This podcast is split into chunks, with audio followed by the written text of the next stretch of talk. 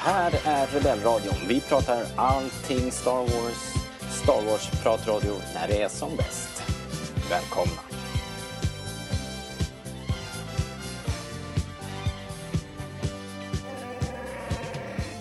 Nedräkningen fortsätter. Bara en vecka kvar till premiären av Star Wars The Last Jedi. Jag är Robert Lindberg och du lyssnar på Rebellradion, svensk Star Wars-podcast i samarbete med Star Wars.se ja, det är ju december, regn, bäckmörker, advent, uh, julmusiken smyger sig på men vi tar lite paus från allt det där nu och sitter och pratar Star Wars istället. Uh, och idag har jag finbesök av min son Jakob. Välkommen! Hej på er. Tjenare, du har varit med förut i Rebellradion. En gång. Från eh, Celebration. Just det, i London. Det pratar vi lite om mässan och sådär. Eh, du är ju nästan lika Star Wars-tokig som jag. Jag gillar att kalla mig allvetare, men jag är inte allvetare längre. jag var det med Legends. Inte nu längre. Aha, det var ju Jag synd att allt all, det där jag försvann. läste all lexikon. Ja, just det, du hade koll på lexikon och så, så har de bara slopat det. Ja. Ja. Vilken är din favorit Star Wars-film just nu? Mm. Ja, just nu är det, är det... Jag har kollat om på prequels nu och jag gillar Episod 3. Jag vet inte, jag såg om den. Jag tyckte den är ganska bra. Mhm. Särskilt nu när man har fått allt Clone Wars och det där. Då är allt mycket, det där mycket bättre tycker jag. Ja, Så då har den blivit mycket intressantare, tycker jag. coolt. Okej, Så Episod 3. ja, bra svar. Ja, vi har med oss Fredrik Jonsson också, ägare, chefsredaktör på starwars.se. Välkommen tillbaka. Hej! Tjenare! Eh, Och om en stund så ska vi ringa upp Rasmus Tirsitis också, filmskapare, makare och eh, han har gjort det här Star Wars-film, eh, vad heter det, fanprojektet Threads of Destiny bland annat. Ah, men det, det blir lite senare. Eh, Fredrik, vilken är din favorit Star Wars-film just nu då?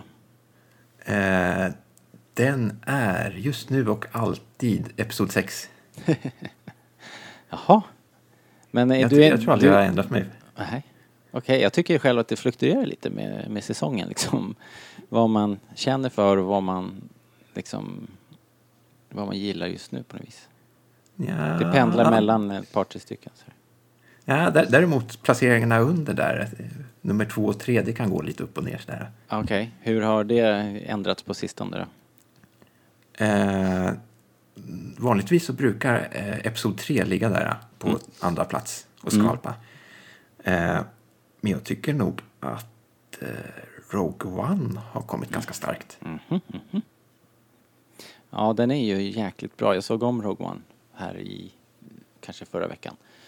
Eh, och den är ju, den är ju galet bra alltså. En del, en del scener där det här fighten över Scarif och allting är ju fantastisk. All right, nåja. Vi ska inte vi ska inte hänga kvar vid det kanske. Vi ska, vi ska prata lite böcker och serier idag faktiskt. Uh, och så blir det såklart lite Last Jedi-babbel med, eh, med Rasmus Tricitisen. Dels är det svårt att undvika att prata om The Last Jedi nu för det är ju överallt. Halva mitt eh, Facebook-feed är ju en, tror jag, betald Star Wars-reklam någonstans ifrån. Och, eh, och sådär. Men vi ska... Men det är ju helt hopplöst. Ja, det är ju nästan omöjligt att hålla sig spoilerfri faktiskt. Det kommer Nej, bara jag, ploppa jag upp försöker verkligen, men det, det är svårt. Ja. ja man, har, man har sett de första sekunderna på nästan alla de där tv-titrarna för de startar automatiskt i, i flödet. Har du kollat, Jakob, har du kollat på de här små trailarna, tv-teasers och så? Nej, jag har inte kollat på någonting. Nej, du vill inte se, Nej, jag du, vill inte se någonting. du har ju sagt att du vill inte veta vad, vad Luke säger, Nej. först, de första orden som kommer ur Lukes mun. Nej, det vill jag inte veta. Det, det, det, det måste vara på bion. Ja. Det, ehm, ja men nu har vi nästan klarat det. Det är bara, det är bara en vecka kvar nu och det är helt otroligt. Det kommer ju bara smälla till så är det dags. Eh, fantastiskt härligt. Eh, en annan sak som kommer snart är Musikhjälpen. Eh, den går mellan den 11 och 17 december. Det är ju som ni vet eh, Sveriges Radios stora ehm, eh, välgörenhetsevenemang som går varje år. De samlar in eh, pengar till något specifikt eh, då, eh, och i år är det, handlar det väl om barn och handel med barn, alltså människohandel med barn. Så det är ju, det är ju fruktansvärt eh, angeläget att vi samlar in massor med pengar och vi tänkte försöka hjälpa till på vår kant här och eh, auktionera ut en autograf som vi gjorde förra året. Och jag var en sväng i Köpenhamn för att träffa min husgud Mike Mignola. Han är tecknare, skapat Hellboy bland annat och eh, för många år sedan så gjorde han ett par Star Wars-inspirerade bilder. Eh, de är så vitt jag vet bara två och båda de är av Tusken Raiders. Eh, och nu har jag fått en poster signerad då och den kommer att auktioneras ut till förmån för Musikhjälpen och så jag hoppas verkligen att det finns fler Mike Mignola-fans där ute, fler än mig, Eh, som är sugen på den här fina posten som jag tycker är helt eh, grym. Och även om den inte är någonting för just dig som, som lyssnar nu så hoppas jag att ni eh, är med och sprider aktionen i sociala medier så att den hittar en köpare och eh, allting går oavkortat till Musikhjälpen såklart. Alright, eh, då går vi vidare och eh, vi ska prata lite grann om vad vi har läst för någonting på sistone.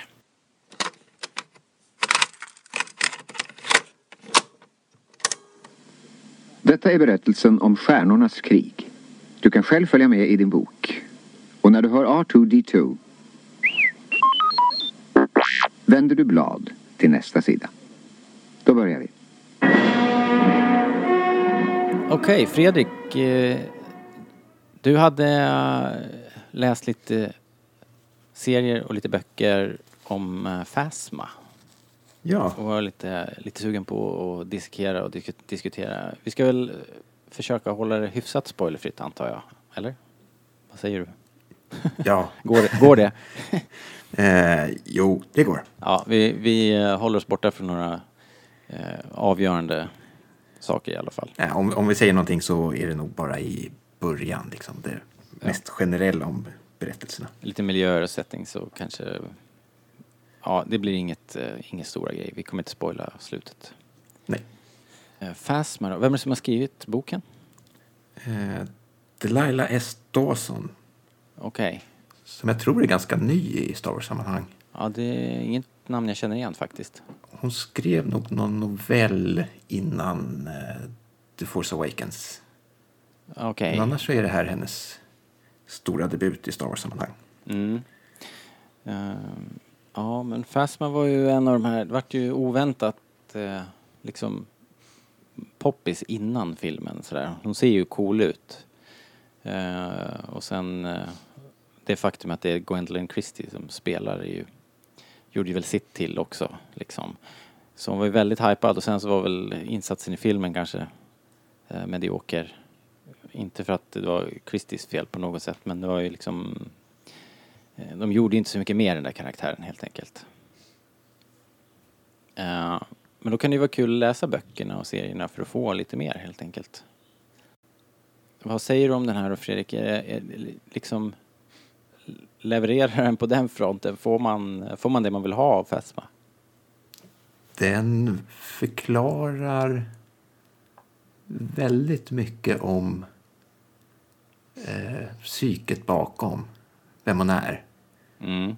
Eh, Angå, men angående hennes psyke då så är det ju, hon är ju, det är ju nästan en, eh, vad heter det, Mad Max-inspirerat på något vis. Hon kommer från en, en, en planet som är nästan som den här efter katastrofen på något vis. jo, jo, men precis. Det, det är det är postakapol... Ja, precis. Ja, du vet det där Det där ordet. ordet som man inte ska, som man inte ska försöka säga när man blir inspelad. Postako... ah, nej, En det går gång, inte. en gång till. Postako... ak- ah, Ja, det här blir ju kvar i podden i alla fall. ako- nej. det är en dystopisk berättelse. Just det, där satt den. Nej, men jag, jag tror att eh, eh, Dawson var inspirerad av Mad Max. Jag tycker jag, har läst det någonstans att hon har eh, tittat på eh, i alla fall Fury Road precis innan hon eh, skrev boken. Och det är väldigt, väldigt tydligt. Ja, det måste jag säga. Det var ganska otippat också tyckte jag. Eh, Och jag vet inte om jag gillade det liksom riktigt. Hela början där. Men det, men det föll på plats sen. Liksom när man kommer lite längre och hon mer trillar, trillar in i det mer bekanta sammanhanget. Alltså, Eh, alltså det är svårt att, att köpa den som en Star Wars-roman eftersom den är så himla annorlunda. Mm. Men eh, om jag kollar på mina favoriter bland eh, böcker som har släppts tidigare så är det just de här som vågar gå lite utanför ramarna. Ja, ja, vilka skulle det vara? Någon... Eh, jag brukar säga att mina favoriter är eh, Medstar-duologin som utspelar sig under klonkrigen eh, på någon liten planet. Det utspelar sig som ett litet tält, liksom eh, lite så här sjukstuga, liksom, typ som MASH. Jaha, okej. Så Det är kloner liksom som är där då, eller? Ja, det är kloner och några, eh, om det är Barry's Offie. Så det finns Clone Hawkeye och Clone, Clone Radar och vad heter de mera i MASH där? Clone eh, Sergeant Clang, Kling, Klinger heter han. Den hade jag aldrig hört talas om faktiskt. Det är jättesvårt tycker jag. Man, man vill ju både att det ska vara nytt och kännas bekant. Det är ju ett litet dilemma liksom. Men här var ju verkligen ett eh, vågat grepp i Fastmouse och, och, och ta den här settingen. Men, Problemet som jag ser det, det är att många av de här eh, kanonberättelserna som har släppts som försöker förklara liksom, ursprunget från, eh, av olika skurkar. Mm. De ska alltid förklara skurkarna som att de var liksom grottmänniskor nästan. Så här. Eh, och det stämmer verkligen in på, på om man kollar på Fasma-boken. Eh, men det har liksom även varit med Tarkin, där, där förklarar de honom som att han kommer från någon aristokratisk familj. Men liksom själva boken utspelar sig att de går på någon hike. Liksom man ska jaga djur och liksom Ja, ja, äta rått kött med bara händerna i tänderna. Och liksom, ja. och det känns som att man börjar tröttna lite på konceptet. Ja, Eh. det blir svårt att hitta på... Alltså det där, det, ska, det ska vara något så här... Jag vet inte om det ska vara för att det ska vara hårda kulturer, att de ska vara sån jägarfolk och väldigt uh, auktoritära samhällen där liksom man har en eh, stamledare på något vis och så här. Jag vet inte, jag håller med dig. Det, det, det rimmar så dåligt med, med eh, hur man känner dem liksom. Men det är klart.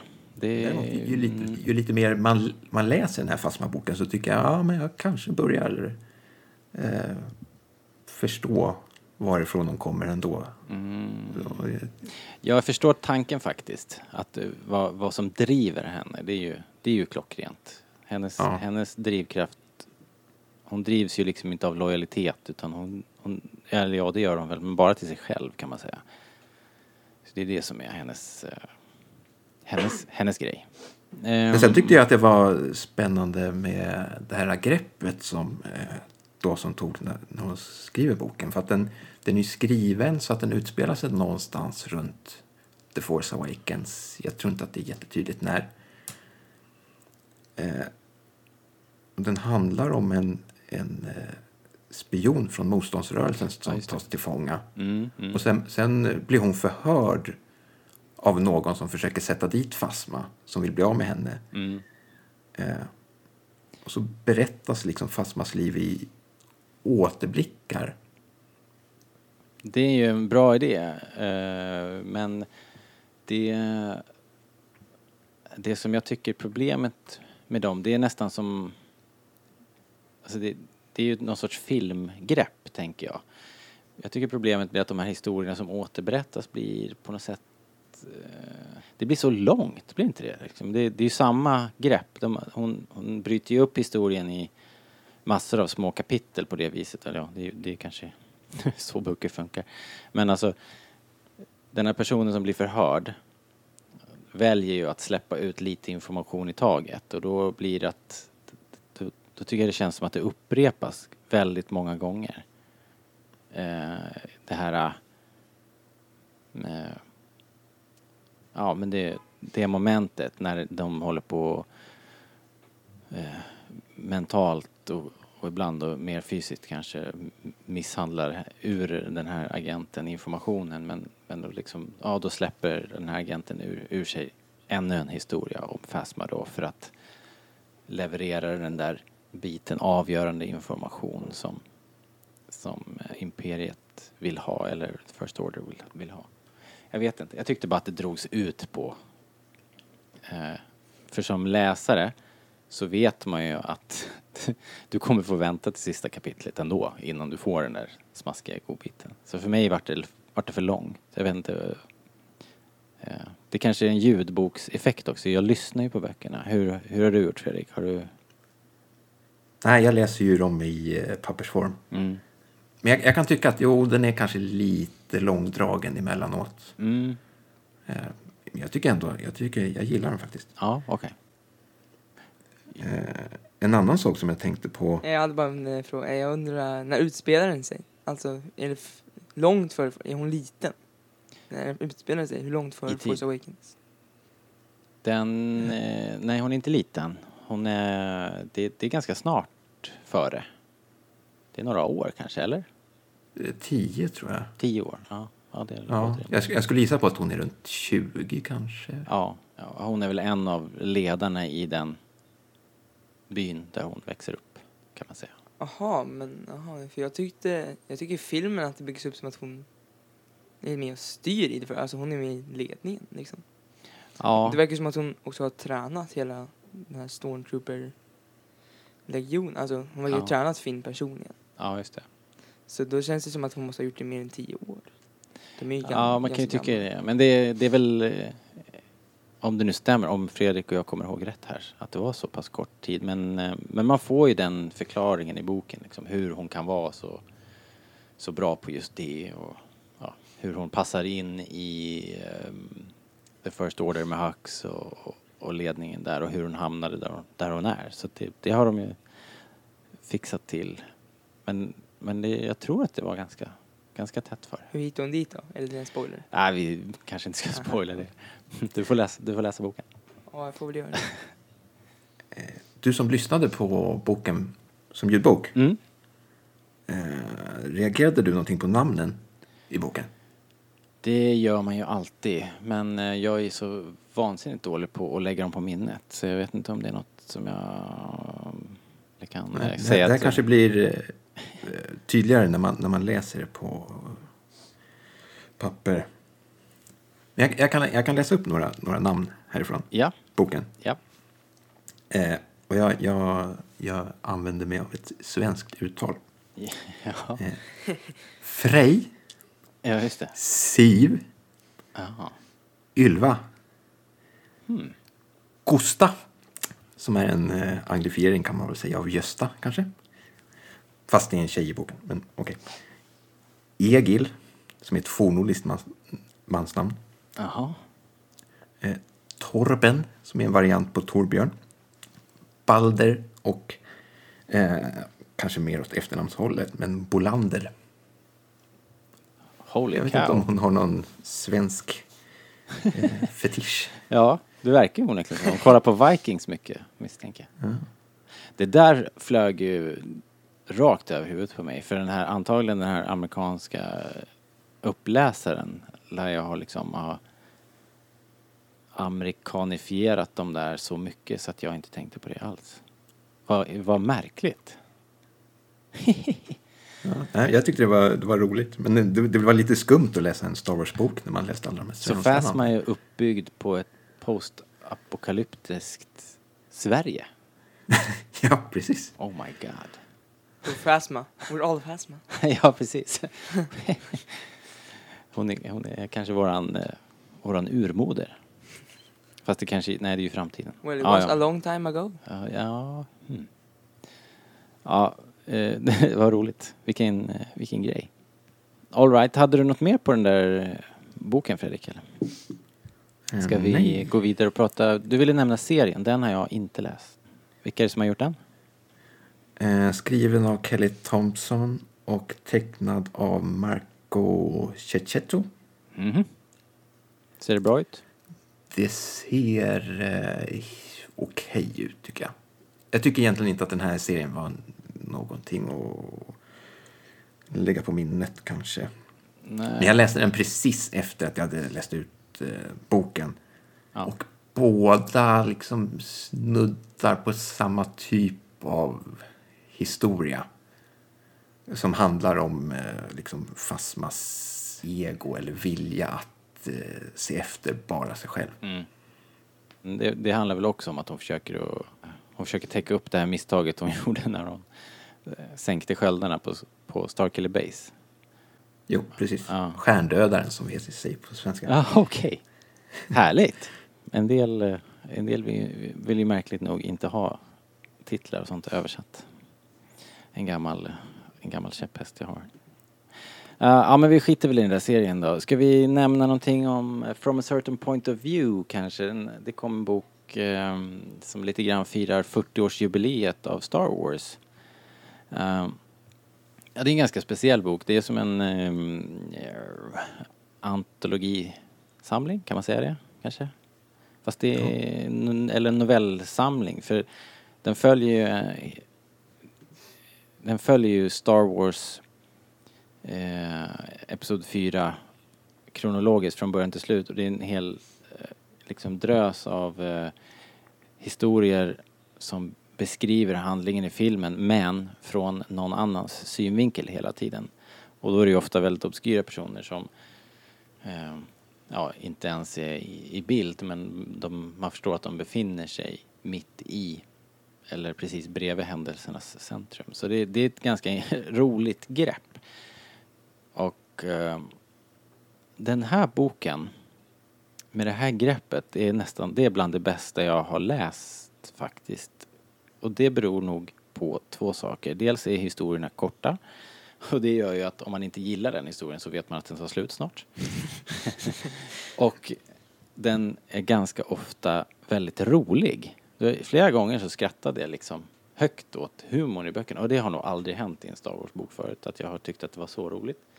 Och sen eh, så eh, varvar den det med att vara väldigt eh, stämningsfull och eh, verkligen plinka på känslosträngarna emellanåt. Och det blir ju väldigt varierad läsning och de här små historierna, sidohistorierna, de håller för, för ett par kapitel. Det, det är ju mitt vanligaste klagomål när jag läser de här Star Wars-böckerna annars, att de är för långa. eh, Utdraget och det liksom blir inte tillräckligt bra. Men i det här formatet tyckte jag att det var, var klockrent faktiskt. Vad, vad säger du Fredrik? Ja, alltså jag har, inte, jag har inte läst hela boken, Nej. men jag har läst vissa, vissa delar. Och det behöver man inte heller faktiskt kan vi tillägga när du ändå säger det. Ja, nej, men det är det som är så fantastiskt. Ja. Eh, jag, jag gillar också boken väldigt, väldigt mycket. Alltså, det känns att den är liksom kärleksfullt i, ihopsatt. Eh, liksom, det finns mycket, mycket tanke bakom hur den, hur den är strukturerad och liksom även... Jag, jag gillar ju liksom riktiga pappersböcker, det har jag tjatat om flera gånger. Men, men även liksom själva boken är väldigt fin. Okej, ja det, det har inte jag upplevt då. Jag har ju som vanligt bara lyssnat igenom den. Men, eh, men det är ju kul att det kommer påkostade tryck och sådär. Det är man inte alltid bortskämd med i Särskilt om man håller på och läser svenska serier och sånt där så är det ju, är det ju som att läsa på, på toalettpapper emellanåt. Hur såg den ut då? Vad var det som var så fint med den? Jag har inte... Nej, men den är, den är äh, Del Rey som ger ut eh, Star Wars-böckerna. Mm. Eh, deras böcker har oftast ett standardformat. Liksom. Mm. Men här har man gjort, den är, den är lite mindre, lite kompaktare. Eh, det känns att man har lagt tid på eh, omslaget. Eh, omslaget känns, alltså mycket handlar ju om hur, hur saker känns. Alltså det, det känns påkostat. Texturen, pappret, kartongen. Ja, ja, visst, jag håller och, och omslaget är nästan lite gummerat liksom. Mm, ja, men det har jag märkt på flera av deras böcker. Några i alla fall. Inte alla. Ja. Eh, Det är ju en massa författare. Det är 40 historier och, och jag tror att det är 40 författare också. Ja, ska vara osagt. Det kanske Eh, det, det är 43 har jag räknat till, men, men, Aha, eh, okej. Ja, men det är några vissa som skriver ju som par. Ja, precis. Exakt. Ja. Det är några som ja, där någon står för idén kanske och någon som står för det faktiska skrivandet. Men det är ju kända namn liksom. Har man läst Star Wars böcker då känner man igen dem. Det är ja, Ashley Eckstein då har skrivit någon. Ian Dozier som har skrivit de här äh, Shakespeare Star Wars böckerna som är jätteroliga. Eh, Alexander Freed. Eh, vem har man? Ja, Christy Golden har en. E.K. Johnston. Hmm. Någon mer? Ja, John Jackson Miller känner vi igen. Paul Dini, eh, sa ju du Fredrik. Eh, Paul Dini är annars mest känd för, för eh, Batman ju. Har skrivit rätt mycket av den här gamla tv-serien Batman. Ja, jag tycker det är fantastiskt att de har fått med honom. Ja. Eh, Eh, men, men vet du vad Paul Dini har för koppling till Star Wars? eh, nej, kan jag inte påstå. Eh, för han var producent och manusförfattare till de här gamla eh, serierna om evokerna och droiderna. Jaha, okej. Och sen har han även skrivit något avsnitt till eh, The Clone Wars. okej. Eh, så, så han har en ganska lång historik. Jag tyckte det var kul att man plockade in honom. Ja, verkligen. Coolt. Och han är allmänt han, han är hyllad, han är jättestor i branschen. Ja, verkligen. Särskilt då som sagt för, för Batman-grejerna förstås. Men Ja. han är verkligen Mr. Mr. Batman. En annan grej som jag tycker är kul med det här och som de liksom eh, verkligen jobbar med nu. Det är ju den här eh, luddiga beskrivningen av tidslinjen. Det är inte bara i den här boken utan eh, det har kommit en annan bok också som, som man kan nämna i det här sammanhanget som heter eh, The Legends of Skywalker av en författare som heter Ken Liu. Uh, det går ju liksom ut på att berätta, ja, det kan vara nya historier, men de, de beskrivs som en myt liksom. Så att man kan inte veta om den har hänt på det här viset. Eller om det bara är en överdriven eh, äventyrshistoria liksom. Det är kul tycker jag för att det, det måste ju verkligen sätta griller i huvudet på de här kalenderbitarna och, eller kanon-kalenderbitarna eh, som, som vill veta exakt eh, vad som har hänt och när det har hänt och vem som är släkt med vem och sådär. För de, de verkar ju verkligen anstränga sig för att eh, inte måla in sig i det där hörnet igen. Men jag tycker det är rätt Ja. kul. Har du tänkt på det Fredrik? Att det, att det är så medvetet? Ja, jag, jag, tror att det är väldigt medvetet. Eh, för att i... Eh, man pu- publicerar ofta tidslinjer i, i de här inbundna böckerna. Mm. Eh, och förut i gamla Canon, det som är nu är Legends, eh, så var man väldigt tydlig. Det här utspelar sig liksom det här året och bam, bam, bam, bam, bam. Ja. Eh, nu listar man fortfarande eh, de flesta böckerna eh, vilken ordning de kommer i. Men man är väldigt vag med eh, årtalen. ja. Eh, och jag, jag tycker bara det bra för att man målar in sig verkligen i ett hörn tidigare. Ja. Eh, jag, jag tyckte till exempel det var ett stort misstag när man försökte förklara eh, när prequel-trilogin utspelar sig. För jag Ja. upplever alltid att, att eh, ja, det här med att... Obi- Obi-Wan ja. och liksom och, och fort. även Luke och sådär. Åldrarna det stämmer inte riktigt mellan trilogierna.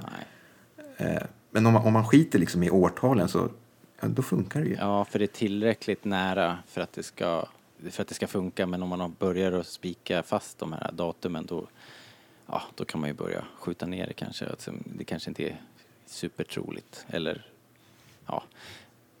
Så det här är ju mycket smartare att jobba så här. Och det blir också väldigt roligt när, när man hör historier beskrivas om vad som hände i kantinen av folk som bara såg med ett halvt öga liksom vilka de här två figurerna var när Luke och Obi-Wan glider in där. Eh, Det är bland annat en historia där någon av de här sliriga snubbarna i baren där eh, misstar Luke för att vara en liten tjej. eh, och- det är ju liksom bara roligt för att det är någonting som, det är helt oviktigt för den här personen vem Luke är. Utan det är det är ju Obi-Wan som är den som stökar och drar fram en ljussabel och hugger av en arm och allt det. Det är ju det som händer. Luke är ju bara en bifigur. Så det är kul, det är bara, det är bara liksom svischa förbi i historien. Och jag tycker det är jätteroligt att eh, det är så luddigt. Det låter väldigt roligt. Ja, det är Som jag kul. inte har läst. Jättekul låter bok. Den kan jag verkligen rekommendera. Det är nog min nya favoritbok faktiskt. Vad, vad är det för typ av, av bok? Eh, är det typ en ungdomsbok? Ja, nu pratar jag fortfarande om From a certain point of view. Eh, Jaha, The just- Legends ja. of Sco- Skywalker tänker du på.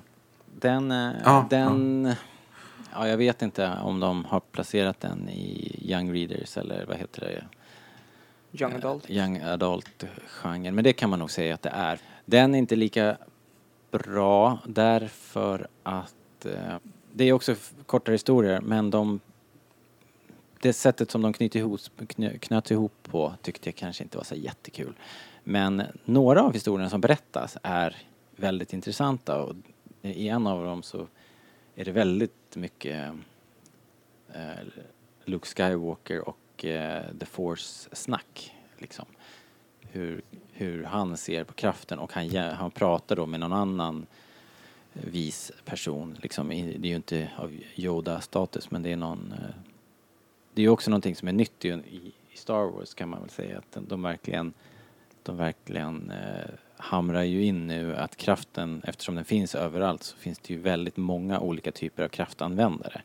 Folk som upplever kraften på olika sätt, civilisationer som kallar den för olika saker. De lever med den och utnyttjar den mer eller mindre, har en kontakt med kraften på olika sätt. Och det tycker jag också är kul att man utforskar nu och gör det så mycket större och så mycket bredare. Det kommer säkert knyta in och knyta an till The Last Jedi-filmen här känns det som, tycker jag. Um, Okej, vi ska gå vidare. Vi ska, lämna, vi ska lämna böckerna. Men vi kan väl i alla fall rekommendera Phasma och From a certain point of view, tycker jag. Absolut. Så kan ni läsa tills, eh, tills ni får något bättre att göra om tio dagar eller så. Eh, Jakob, ska vi prata lite spel istället kanske? Okej. Bra, då tar vi prata lite om Battlefront. Ah, Star Wars. It's great in the arcade. Whoa! TIE fighters! Fireballs! Coming right at me! Watch the laser towers. Aim for the tops. Pick on the cannons. Use the force. It's coming too fast! It's flames! It's flame! My shields are gone! All right! I'm going in! Oh, some game, huh? Some game! In a galaxy of video games, there is only one Star Wars, the arcade game. Eh, sen vi pratade senast så har ju Battlefront 2 släppts och vi har hunnit spela lite grann också. Eh, Jakob, eh, du har ju till exempel redan hunnit plöja igenom hela story mode eller single player eller vad det heter. Eh, ja. Eh, är du nöjd? Eh, ja, jag är väldigt nöjd. Jag tyckte det... De gjorde det ganska bra. Men det slutar på en cliffhanger, så nu måste de fortsätta. Ja, okej. Jag tycker jag har hört att de ska eh, bygga vidare på den storyn. De väntar kanske på filmen nu då, för att Mm. inte spoila den. Du får inte säga någonting, några Nej. spoilers, för jag har bara spelat halva. Nej, ja. Nej jag, hopp, jag hoppas att verkligen att det kommer en till del. För det, det var väldigt bra, tycker jag. Ja, Och det slutar ju som sagt på en cliffhanger. Så man vill veta vad som händer. Coolt. Jag tycker hittills, jag, jag har kanske kommit till halva, knappt halva bör det väl vara. Var är men- du någonstans?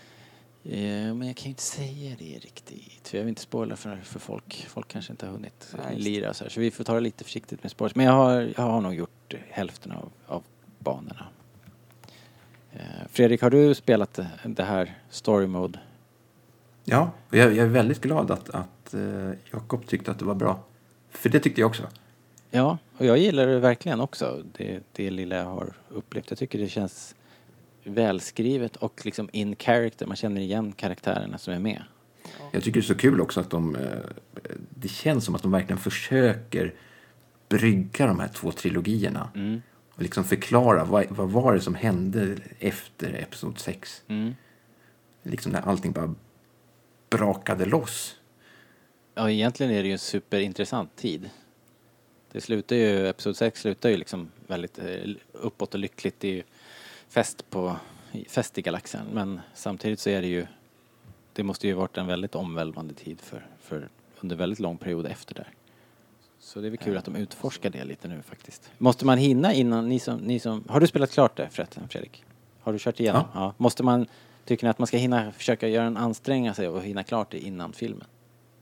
Alltså, Nej. ja, jag har en teori om slutet där som jag, alltså det, inte bara slutet, hela historien, alltså den, för det kan nu allt det här, den här, den här det har hänt li- enligt, det har hänt. liksom. Ja, så den här, det, eftersom den här boken kom inför skål, tänker jag att de, ja, jag tror det. Att det är tänkt liksom. att det liksom... Ja. sen att du dör 50 gånger inte men Nej. själva historien där har hänt. igen. Deras Eh, EU. Ja, det tror jag är meningen. Ja. Ja, för då så skulle jag kanske vilja se några av de här karaktärerna i, I filmen. i filmen. Att de dyker upp i filmen. Ja. Ja.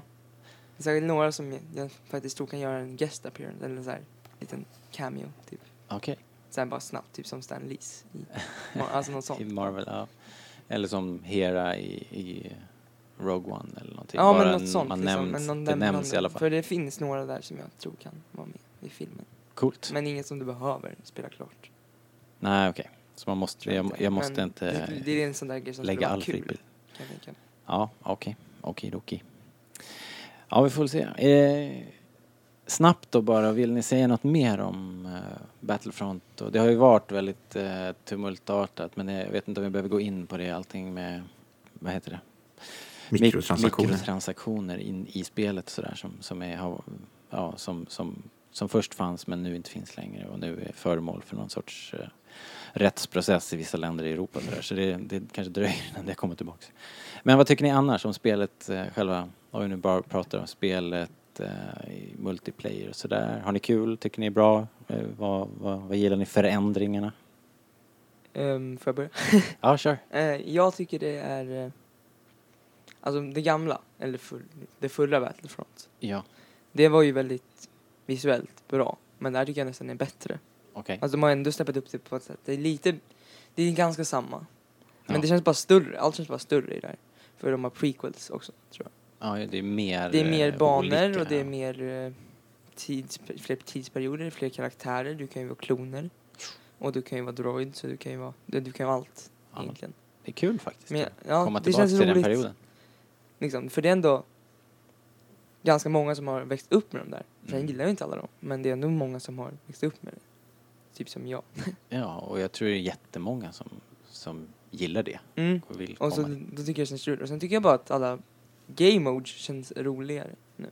Okej. Typ som Galactic Assault och sen så det här kommer låta kon- dåligt men att det där strike, ja, vad heter det? Heter det fortfarande flight? Det här när man flyger rymdskepp i alla fall. Där så tycker jag nu att det känns, det känns bara lättare. Mm. Kanske vad jag är så dålig nu men de har gjort om, de har gjort om liksom eh, systemet känns det. Det känns lättare att träffa alla skepp nu, för, nu än vad det gjorde i förra. Ja, kanske Förra var du tvungen att ha den exakt i den här kvadraten eller vad Nu är det liksom en Ja. cirkel, och i den här cirkeln som behöver inte vara mitt i. Det gör mer skada har jag fattat det som. Liksom. Jag vet inte om det är mer, om det är en större, de kanske har större hitbox, att, att lättare träffa, men samtidigt förut kunde man ju låsa lite. Man kunde, om man höll in eh, typ R, eh, ett, left två tror jag. L2 eller L2 ja, någon av dem, då, då L2. liksom låste man ju siktet även med laserkanonerna lite grann. Man liksom fick lite, lite auto-aiming var det i det gamla. Jo, Det finns ju inte nu. Men jag tycker att eftersom det har blivit lättare så behövs det inte längre. Nej, det är en annan balans. Så, och då, det går snabbare att ta ner dem. Ja. Innan var du tvungen att liksom mala på i så här en, en, jättelänge kändes det som. Nästan så här flera sekunder. Nu tar du ner dem på typ två. Egentligen. Ja, du, särskilt i single player-läget. Ja, Inte campaign- multi tycker jag inte riktigt. Nej, jag vet inte, jag har kört multi lite. Jag tycker det fortfarande är lättare. Mycket I lättare single- här än vad det var i förra. I, i single player-modet känns det ju som att fienderna är gjorda av eh, glas liksom. De, det går ju att skjuta ner dem Ja, väldigt lätt. Ja, de är väldigt lätta. Och vissa är jättesvåra. Eh, Ja. Men, eh, nej jag vet inte, jag tycker fortfarande det har blivit lättare. Och sen, ja som överlag det det gamla tyckte jag nog bara, som var, det roligaste, roligaste var typ något som kallades för cargo och så var det något som de kallade för walker assault. Typ. Ja, just det. Det var ju typ det roligaste, tycker jag. Ja, Fredrik, nå- något i all hast? eh, Någon, någon slutkommentar om Battlefront? Eh, nej, alltså jag, jag tycker att det är jättebra. I, ibland har jag en tendens att låta lite negativ, men det har nog mer att göra med att jag är så kass på det här spelet. Eh, Men det, är nog inte deras fel. Eh, Vi skrattar inte åt dig heller utan vi skrattar, skrattar igenkännande. Kan, kan, jag, till, kan jag tillägga. Vi, jag sa det någon gång, det spelet är inte designat för att man ska dö i den frekvensen som jag, som jag gör. Liksom. Det är helt otroligt. Om ni vill ha fler åsikter om Battlefront 2 så kan ni gå in på starwars.se och läsa vår recension som ligger där. Eh, om den inte redan finns där så finns den om några dagar. Ja men perfekt, gör det. Läs den och säg vad ni tycker helt enkelt. Eh, det är ju alltid kul. Men då så hörni, då lämnar vi det här. Jag ska, jag ska ta och ringa upp Rasmus och så ska han få ventilera lite grann The Last Jedi och sen så ska vi eh, köra den här succétävlingen Vem vet what. Så um, häng med, jag ringer.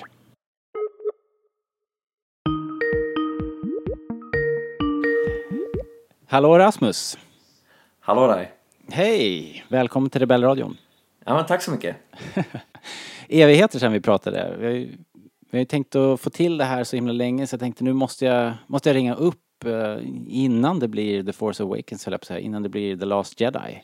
Ja, precis. Ja. Så att eh, det här har ju verkligen varit eh, weeks in the making men eh, det har varit eh, massa förhinder, sjuka barn och allt vad det har varit. Eh, så nu får, vi, nu får vi helt enkelt prata lite. Jag hoppas att det ska vara värt det. Ja, men det är såklart det blir. Eh, hör du, eh, vi tar chansen nu och pratar lite The Last Jedi. Eh, det är ju bara, ja men när det här kommer ut så är det ju tio dagar eller mindre än tio dagar kvar. Eh, Mm. Kanske bara runt en vecka när, när lyssnarna hör det här. Och eh, hur, eh, hur känns det nu? Vi är ju liksom precis på tröskeln till eh, andra akten i den här trilogin. Var, var, var befinner du dig någonstans liksom i Star Wars-känslorna? Eh, jag försöker att begrava dem så mycket som möjligt, ska jag säga. Men det känns lite som att man springer ut i störtregn utan paraply. Att man blir blir lika lätt träffad. Det är trailers, det är bilder, det är kommentarer överallt som handlar om Last Jedi. Bara, Nej, men jag vill inte se någonting förrän jag har sett filmen själv. Då kan jag börja djupdyka med massa analyser och bilder och allting. Men just nu så vill jag inte se, se någonting, inte någon trailer eller någonting. Nej, jag förstår det. Har, du har inte sett någon trailer, eller? Jo då, jo det har jag. Det jag, jag tycker att det är, det är halva nöjet så att säga att kunna titta på de här trailersna. Så att jag har ju sett den här första teasern som de släppte nu för nio månader sedan. Sen bakom kulisserna som kom i somras och sen den här trailern i oktober. Men eh, utöver det så har jag inte sett några international trailers, Chinese trailers, TV-spots och bara allting som de bara dränker webben med just nu. Ja, nu haglar det verkligen alltså. Ja, Ja. men då är vi på samma. Då, då har vi liksom stängt ögonen och öronen eh, i samma fas. För att det, det, det Man blir väldigt lätt Man- bränd. Ja men faktiskt, man vill inte veta mer helt enkelt. Och jag har redan Ja. fått eh, känna lite för mycket. Men, men, men eh, ja, ja. Ja, I slutändan så pajar man ju bara för sig själv för att det, det är ju den här stunden när man sätter sig ner där i biomörkret och får uppleva filmen som man vill åt. Just de här små glimtarna här och där som du får hemma i din telefon eller vid datorn. Det vill du egentligen inte ha. Du vill ha det, men du vill inte ha det. Nej, men det, det, det är det. Men det är svårt att hålla sig liksom. För man är så himla sugen. Men, men samtidigt så, som du säger, man skjuter sig i foten. Man, man får det där lilla, lite, lite för mycket information liksom. Det värsta är de här tillfällena när man sitter så här, ah, inget YouTube-klipp att kolla på eller en stund över. Ja, men jag kan väl gå in och kolla på den där. Så börjar man trycka på play och så bara, drr, nej, jag vill inte se det. Nej, precis. Och- eh, massa filmer som startar automatiskt i feeden. Det är ju liksom... Ja, exakt. Ja, ja, ja. Men du, med det lilla du har sett nu då, vad, vad känner du liksom? Eh, hur tycker du att det... Eh, Det verkar Ser otroligt ut? lovande. Det ser riktigt lovande ut. Jag älskar ju den här eh, rödvita affischen. Ehm, och hela den här, men just hela den här, det här mörkret, det här röda kontrasten, allting som de verkar bygga upp mot. Allt sånt eh, faller mig verkligen i smaken tycker jag. ja. Ja, det är ju ett eh, bildspråk som verkligen tilltalar och jag tror många har längtat efter det här. Det, det, det är väl, om det är någonting man kan säga så är väl att Fandom alltid tar till att eh, ja, det måste bli mörkt och mörkt och mysigt liksom. Och nu, nu är vi där, får vi se då om det, om det är det här som vi vill ha trots allt. Ja, precis. Jag tror ju inte det kommer vara precis det som fans vill ha, utan det kanske är det man behöver snarare. Förhoppningsvis va, verkligen. Ja, Ja. precis. Shit. Men det är ju men det är väldigt lätt så fort man, det är väldigt lätt när man sitter och tittar på trailers, när man sitter och tittar på affischerna, marknadsföringsbilderna som de har släppt, att man börjar skena iväg i tankarna, vad, vad är det för typ av vägar som de kommer gå. Och ju- just bara ut, utifrån så här placeringen, var, var de valt att ställa folk i affischer, så, ah, kan det ha en betydelse? Så det är bara, nej men bort med de tankarna nu. Ja. Eh, om man ska ta några vanliga eh, saker som folk eh, verkligen eh, fastnar och vid och vill, vill spekulera kring så är det ju rätt mycket vem är Ray och eh, kommer Luke eh, kommer han vara en onding liksom? eh, har du några hur, hur skulle du vilja att, eh, att det gick och vad tror du kommer hända? Ehm, jag tror ju faktiskt inte att de kommer besvara på vem Ray är i den här filmen. Åtminstone inte vem hon har varit, utan möjligen att hon får forma sitt eget öde utifrån det vi upplever nu i filmerna. Eh, för jag tror någonstans att de kommer behandla hennes bakgrundshistoria precis på samma sätt som vi fick reda på Anakins bakgrundshistoria. Eh, eller Lukes för den delen också, att vi får veta ytterst lite. Det viktigaste är inte det som har varit utan det som komma skall. Eh, så jag hoppas att vi inte får någon sån här bomb att Åh, nej, men det här är hennes föräldrar. För i slutändan är det så nej, men det spelar inte så stor roll vem hennes föräldrar är. Tycker jag. Interesting. Ja, jag vet inte. Ja, men och- det, det, det är ju det är sånt himla fokus bland fansen på det här. Det är ju Ja. något som vi verkligen har hängt upp oss på. Det är ju Ja. nästan den första frågan som folk ställer sig. Vem är hon vem, vems föräldrar är hon? Och om vi skulle få reda på vilka hennes föräldrar är så tror jag är? Ja. Ja, precis. Så tror jag inte det kommer vara någon person som har så här jättestor betydelse. Utan troligen så är det bara, nej men Joe och Schmo ifrån eh, den här lilla hörnan i galaxen. Eller Gud förbjuder liksom att hon, nej men hon föddes genom Mediclorians. Nej, det, det tåget tror jag inte, tror inte de hoppar nej, på det, igen. de kommer absolut inte gå, gå det hållet. Men, men jag tror inte att det kommer vara till exempel Man har väl till och med spekulerat att eh, hon skulle vara föräldrar till, eller barn, eh, dotter till några karaktärer som dyker upp i Rebels. Nu har inte jag sett den serien men jag har förstått att det är en väldigt populär eh, teori också. Jag tror att man kommer nog inte välja den typen av bakgrundshistoria för karaktärerna för det känns... De vill ju främst spela i hand till de som går och ser filmerna enbart. Och att det ska make sense och verka logiskt för de som går och ser men, en film en gång om året. Så att de ska kunna hänga med i vad som händer. Så finns det ju de här, oss som kanske överäter Star Wars och vill gärna se ett enormt stort samband mellan allting. Ja, men de två har, de är syskon och de har bott tillsammans och de är kusiners kusiner och ja, de har en fejd mot varandra. Jag, jag tror inte att det kommer vara något sånt. Jag Men om, men, om, men om man kan, om du säger så här att, ja men jag tror att, jag tror och hoppas att det, att det är liksom Joe, Joe Schmo som är, som är hennes ursprung. Eh, Ja. då, då kan man väl lika gärna tänka sig att det är ja, Kanan eller någon i, i Rebels. Ja. För att för den gemene, gemene konsumenten som inte är lika liksom eh, insnöad som vi är så, så blir det Mm. samma grej. Alltså förstår du det, för, för dem så är ju det Joe Schmo. Mm. Men Eller det också blir, så men det blir ett mervärde för oss. De kan ju också namedroppa två helt nya karaktärer som det finns möjlighet att skapa en ny filmtrilogi om eller massa böcker och Ja, det är ju också en tanke. Det är ju, Ja. det är näst, ja, det är ju väldigt lockande faktiskt. Ja. Det, man, man får inte glömma det ändå att de, Disney vill ju bygga sitt eget universum nu. Det, med all respekt liksom till det som har varit så vill de ju främst bygga framåt. Mm. Möta en ny, en ny publik samtidigt som de vill behålla den gamla. ja, Och då blir det väldigt svårt liksom att binda tillbaka till gamla grejer.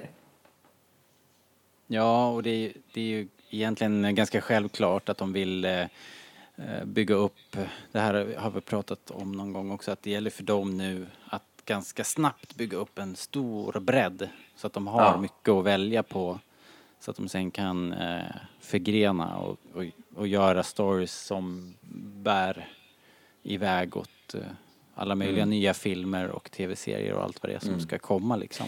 Jo, men och, och på det sättet så tror jag att de mer begränsar sig om de försöker knyta an till någon, några gamla karaktärer som vi har mött förut. Mm.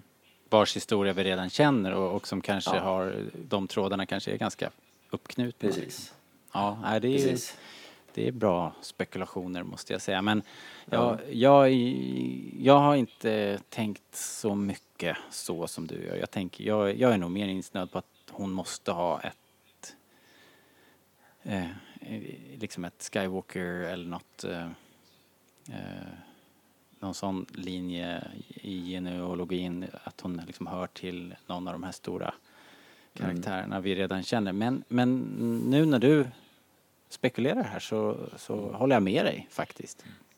Skywalker-sagan Skywalker-sagan fortsätter ju i filmerna genom Kylo Ren redan. Så att eh, da- Ja, den kopplingen precis. finns redan liksom. Precis.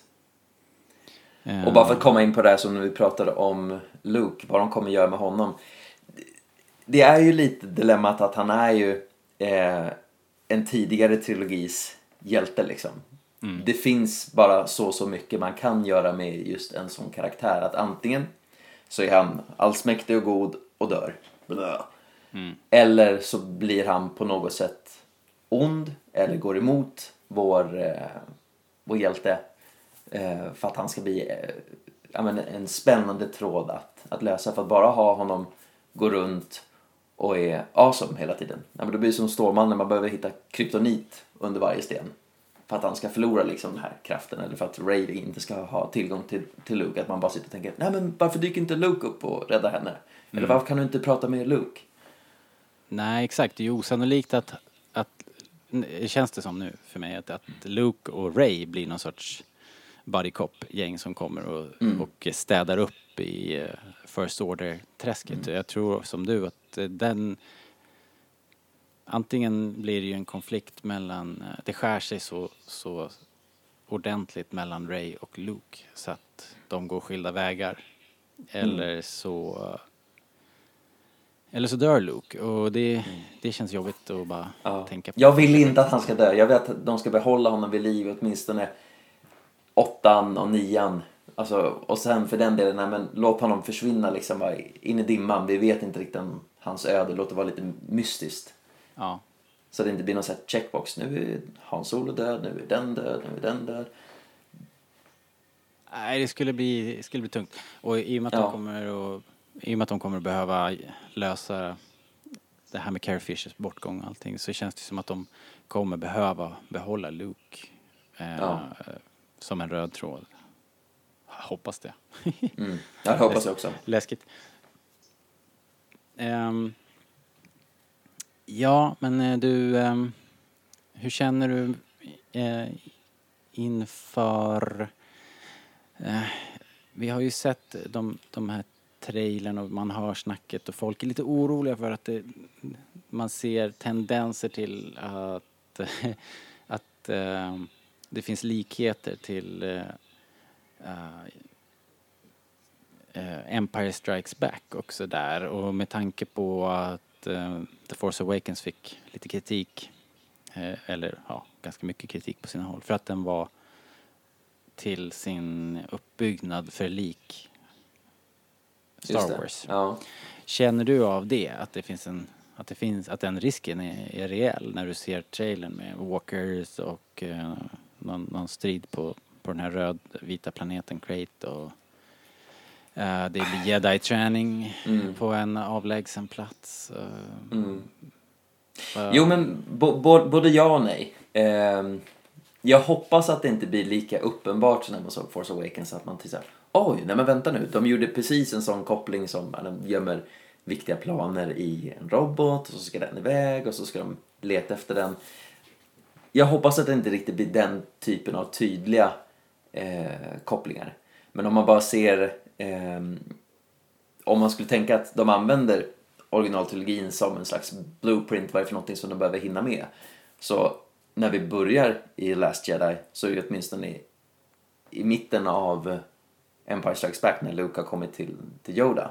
Ja. ja precis. Och då kan vi ju mycket väl tänka att det är lite jedi-träning, som sagt, som vi vet kommer hända. Sen kommer Ray tvingas avbryta sin eh, träning för att kanske söka rätt på Finn som är på hemligt uppdrag och hon får någon sån här vision. Och Luke säger ja, du måste slutföra din träning. Och så, så beger han sig dit och så någon som Finn litade på visar sig inte vara den han är. Kanske Poe som vänder sig mot dem, vem vet. Mm. Uh, ja, precis. Jag undrar, jag, jag, också så här, jag satt också så här och fantiserade att, att liksom att Ray gör tvärtom när de hör att, eh, att uh, The Resistance är press, hårt pressat och Finn och, och, och, Rose och alla de här är i fara och så, så, så, så kanske Ray inte gör som Luke, utan Ray stannar kvar. Mm. Att hon blir Just kvar där. Uh, Chewie sticker. Så då är Luke och Ray fast på ön. Mm. Och så börjar Ray inse att Luke inte är den här superbra mentorn liksom. Det är inte riktigt vad hon hade tänkt sig. Mm. Så det börjar gro där liksom. Och sen dyker Kylo Ren upp med, med sina Mm. boys liksom. Och Ja, det då- till en och- ganska bra anledning till varför hon inte skulle välja att följa med och rädda sina vänner för det känns ju som det naturliga hjältevalet var det att ställa upp för sina vänner i, i nöd. Mm, precis, men hon kanske helt enkelt... Eh, eh, hon kan ju få det, det rådet av Luke, Mm. samma råd som... hon kanske får det rådet av Luke som, som, som Yoda och Ben gav Luke. Mm. Men hon faktiskt ser att det är, det är rätt att stanna. Ja. Eh, tänkte jag. Ja, inte vet jag. Dagdrömmer. ja. Dagdrömmer Star Wars. Ja, men det är häftigt. Ja. Eh, hur, eh, du har biljetterna klara och sådär antar jag? Nästan. Ja, vi håller på att dribbla lite fram och tillbaka om vilken tid vi ska gå och se den. Mm. Tyvärr kommer det inte bli den 13 utan det blir först till helgen som jag kommer ha möjlighet att se den. Och det kommer vara ett par dagar där som sagt. Det Ja, då är det verkligen... gillar ducka för störtskuren. Inget internet liksom. Nej, verkligen. Eh, du bor ju nu mer i eh, Sundsvall. Sundsvall och eh, hur, ser, hur ser biografen ut där? Är det stort, litet, litet och mysigt? Stort, Ja, gammalt lite, och, lite, eh, lite mittemellan skulle jag säga. Ja. Eh, Det är ju inte state of the art eh, med det som finns här. Men absolut ingen gammal sjaskig biograf. Nej. Men ehm, ja, jag kan ju säga så jag behöver ju inte vara orolig för att jag inte ska få tag på biljetter. Det, det är ingen strid folkström till biograferna för att se Star Wars under de Efter- dagarna. Utan Efter ett par dagar så, så finns det plats. ja, precis. precis. Ja, ja, ja okej. Men, ehm, men då får vi väl se till att eh, du kommer tillbaks när du har sett den här. Så får vi prata Ja, mer efter liksom. Det, det måste ju bli av. Vi har ju, vi har ju pratat som sagt, vi har pratat länge om att du ska vara med och att vi ska göra lite mer regelbundet det här. Men det har bara, det har liksom inte gått vår väg riktigt hittills. Men, eh, men framöver nu så, så blir det ju mera. Mm. Ska vi... ehm, Har du någon prediction då liksom? Vad, vad är det för någonting som tänker, nej men det här måste åtminstone hända i den filmen? Om du får välja en sak. Eh, ja, jag tror att, eh, jag tror att, eh, och det har jag sagt länge, jag tror att Ray kommer att eh, lockas och falla för den mörka sidan. Ja.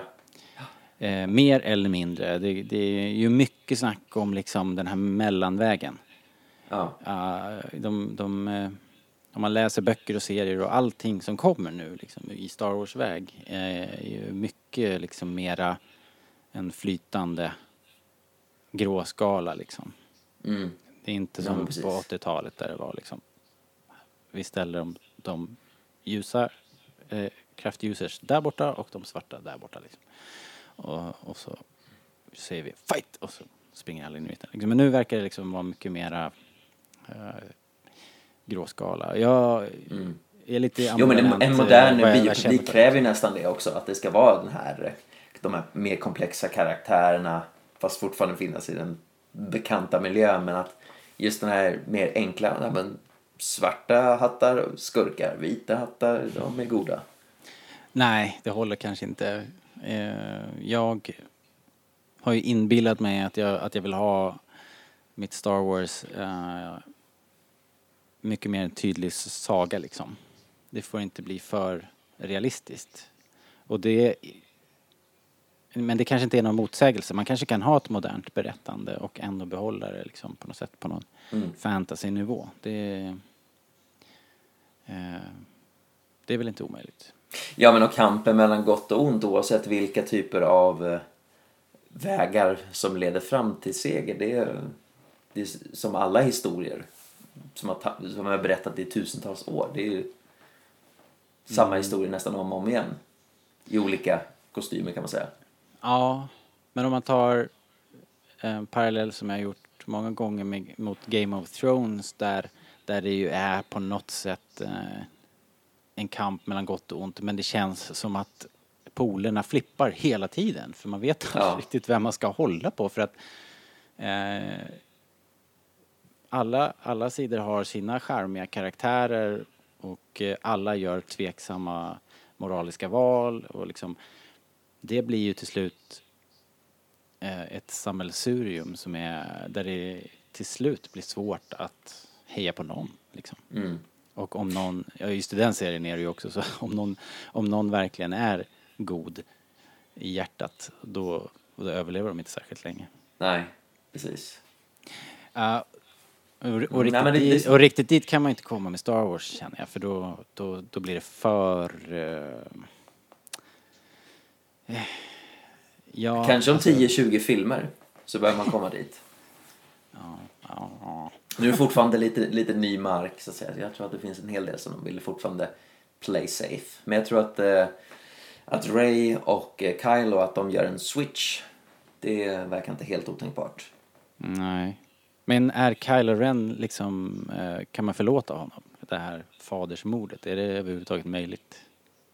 Det är en annan, det är en annan fråga så att säga. Eh, om vi som publik kan förlo, äh, förlåta honom för det eh, sveket så att säga. Men att han kanske på något sätt Han kan ju försöka. börjar styra in en helt annan bana. Mm, ja, Kanske det- någonting han, han gör, någon form av uppoffring som får honom att vi får vinna tillbaka sympati för honom. Vem vet? Precis. Han dödar Snoke och Ray och kvar står Luke så får vi en Luke-film i Episod 9. Ja, precis. Han dödar alla. Eh, ja, så, så blir det. Hörru du. Eh, Ja. vi, ska, vi ska koppla in de andra två igen och så ska vi köra den här eh, frågesporten Vem vet what? Så, Yes. så häng med så, så får du höra vad, vad det är för tema och hur frågorna går den här gången. Hej, hej! Välkomna till Vem vet... Don't get technical with me. Varje gång vi ses så ställer jag panelmedlemmarna inför tre Star Wars-fakta eller trivia. Och det är ett som är falskt. Det är upp till eh, min generös krigpanel här och er som lyssnar hemma också luska, luska ut vilket påstående som är fel. Och idag så har jag förberett ett Stjärnornas krig, ett nytt hopptema eftersom det är 40-årsjubileum och allt. Fredrik, eh, du får starta den här gången. Tack. Ja, det är ingen fördel. Eh, som du säkert känner till. Eh, Det måste vi dra upp så här låter det första påståendet då, som är sant eller falskt. Ett av de första utkasten till Star Wars hette The Clone Wars, The Adventures of Starkiller, from the Journals of the Wills. Lucas, som gjort sig känd för att aldrig slänga bort en bra idé, använde, återanvände senare valda delar till spelfilmen Star Wars The Clone Wars från 2008. I det tidiga utkastet från 1976 gästspelar bland annat flera huttar. En av dem en Liberace-liknande typ som vi långt senare fick lära känna som Zero the Hutt. Andra påståendet är så här. George Lucas är utan tvekan en av vår tids stora filmgenier. Men han hade mycket hjälp på vägen. Ett lysande exempel som allt för sällan nämns är Georges exfru Marcia. De var gifta mellan 1969 och 1983. Skilsmässan tog George hårt och Marcia har sedermera nästan raderats ut ur Lucasfilm-historien. Men faktum är att det var hon som på många sätt räddade Star Wars och det var hon som fick en Oscar för klippningen, inte George som annars anser sin styrka vara just klippning. Tredje påståendet. Uppföljaren till Star Wars skrevs av Alan Dean Foster samtidigt som George färdigställde Star Wars. George var av naturliga skäl inte övertygad om att Star Wars skulle bli en hit så uppföljaren var tvungen att göras så billigt som möjligt om det skulle bli någonting alls. Därför innehåller Splinter of the Mind's Eye inga rymdstrider och utspelas på en dimmig planet så att dekorbygget skulle kunna göras riktigt billigt. Boken släpptes trots Star Wars framgång och fanns i bokhandeln 1978. Ja, där har ni dem. Tre smaskiga fakta. Fredrik, varsågod. Oj då. Eh, det första påståendet. Eh, Adventures of Starkiller from Journals of the Wheels. Eh, det namnet känner man ju igen. Eh, däremot är jag lite tveksam till att den här Asiro eh, Liberace-liknande typen som jag mer tror på är en produkt av idag. Jag, jag har svårt att se det i eh, liksom 70-talet, även om Liberace kanske var stor då. Eh, mm. eh, den andra frågan om Marsha Lucas. Eh, det fanns ju många klippare där. Eh, eh Marsha har man ju typ aldrig någonsin sett, vad jag kan minnas. Den sista, Alan Dean Foster, eh, Splinter of the Mind's Eye. Eh, det var inte alls säkert att Star skulle bli en succé. Det är ju så himla lätt att säga nu att det var populärt. Eh, var det en som skulle vara falsk? En är falsk. Ja, otroligt. Jag, jag har spelat, det, det är tredje gången jag spelar det här. Jag, jag lär mig aldrig. Eh, nej, men jag säger att ettan är falsk. Ja, Okej, Zero. det är noterat.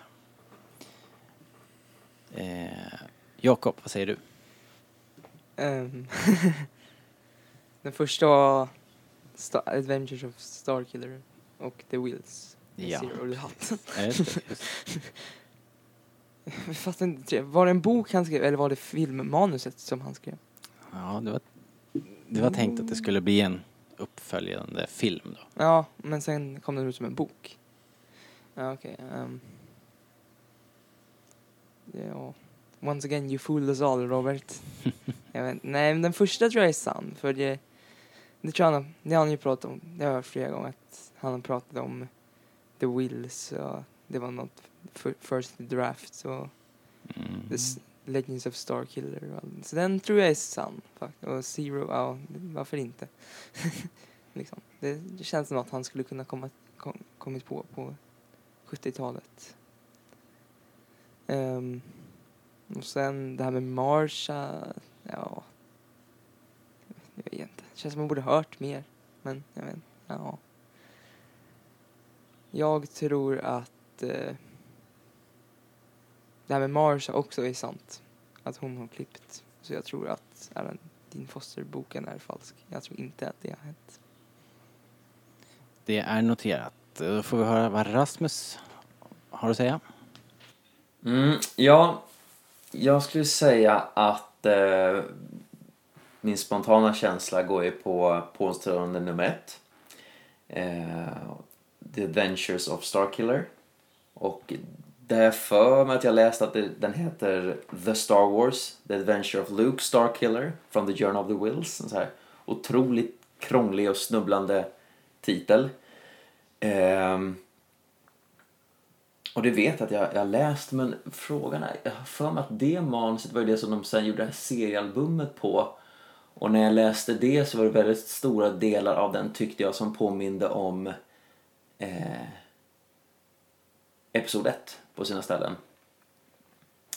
Eh, sen bara för att resonera kring påstående nummer två.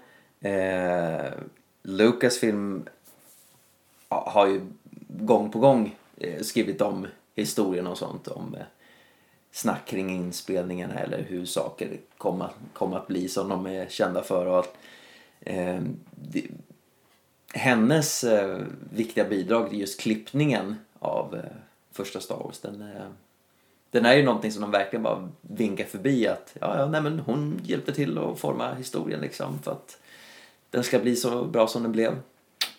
Men man lägger inte så jättestor vikt vid det. Precis. Um, just det, sen den här superbilliga uppföljaren. Vad heter den? Splinter of the Mind's Eye. Heter den det? Jag ser ju framför mig något eh, omslag liksom där Luke och Leia med ryggen mot, mot kameran liksom eh, ligger på knä liksom framför någon så här holokron och så är det Darth Vader, siluetten av Darth Vader. Jag har inte läst det seriealbumet. Men jag läste typ vad det handlar om. Hans Sol är inte med den här för mig. Jag kommer inte ihåg så jättemycket om vad om hon sa att det handlar om, men ja. ja. Jag säger nog att påstående nummer ett är det som är falskt. Ja men okej, då tror jag att... Ehm, eh, då tror jag vi tar dem i lite blandad ordning här. Vi tar den här i mitten först. George Lucas, eh, eh, att han utan tvekan är en av våra stora filmgenier och att det var hans exfru Marcia som räddade Star Wars och fick en Oscar och allt det där. Detta är eh, sant. Det är sant. Hon eh, var en otrolig talang. Hon var duktig och redigerade och gick vidare och gjorde eh, många andra stora filmer och hon knep också hem Oscarn för redigering. Och George har ju fortfarande inte fått någon Oscar själv så att jobbet för honom. Stackars George. Stackars George. Ja, det har ju gått bra för killen trots allt. Okej, och eh, det första påståendet då som eh, Fredrik och Rasmus tror eh, är falskt. Det som låter så här, ett av de första utkasten till Star Wars hette The Clone Wars, The Adventures of Starkiller from the Journals of the Wills. Och att den skulle innehållit eh, någon sorts embryo till Zero the Hutt och allt det där. Det här är falskt. Ja. Eh, det här har jag ju såklart hittat på alldeles själv. Eh, som i alla lögner så finns det ju ett frö av sanning såklart. Det är ju så att George han älskar ju att spara på idéer och han återanvänder också mycket. Mycket gammalt eh, kom ju, dök ju upp i Clone Wars och sådär sen. Men, men just det här är, eh, det är överdrivet till en, en helt ny nivå faktiskt. Och Zero the Hutt vet jag inte, han känns väl som, som en riktig utliggare. Jag kan ju tänka mig att det är eh, Dave Filoni har spunnit loss där. Vilket betyder då att eh, uppför, uppföljaren till Star Wars som heter Splinter of the Mindside, den skrevs parallellt Star Wars. George hade redan siktet inne på en uppföljare. Och trots att han sen bestämde sig för att göra The Empire Strikes Back så, ja, vi har ju en bok här, vi släpper den ändå. så, så, så den kom ut, eh, Splinter of the Mindside. Den är väl, eh, det är många som håller den som någon sorts favorit. Det är, det är inte, ingenting som jag höjer till skyarna direkt. Okej, hörni, tack för, att, eh, tack för att ni var med och spelade. Tack för att ni var med i podcasten allihopa. Vi, eh, nästa gång vi hörs, då har vi sett eh, The Last Jedi på bio. Det är fantastiskt. Yay. Wow. Glöm inte Musikhjälpen eh, 11 till 17 december. In och buda. Om inte på, på Rebellrörelsens grejer så köp något annat då för, för den goda sakens full, äh, skull. Och ni som använder iTunes, passa på att ge oss femstjärniga betyg där så vi kommer upp i listorna och fler hittar till oss. Gör det nu, inte sen. I den nya iOS-appen, där kan man sätta betyg direkt i appen. Så eh, det är bara att köra. Vi blir jätteglada när vi ser att de där kommer. Alla gamla poddar hittar du eh, också på rebellradion.se. Du kan skriva till oss på rebellradion starwars.se. Vi tar tacksamt emot eh, era brev och vi läser dem allihop och eh, eh, allt som oftast så diskuterar vi dem i podden, så skriv gärna. Skriv vad ni tycker, skriv vad ni undrar, skriv vad vi ska prata om så, så kan det mycket väl dyka upp här. Vi finns ju på facebook.com, att rebell, eller vad heter det, slash rebellradion och eh, vi finns på Pinterest och Twitter och Instagram. Ja, det var det. Tack ska ni ha. Vi hörs snart igen efter eh, Lars Hej med er allihop. Hej då. Hej då.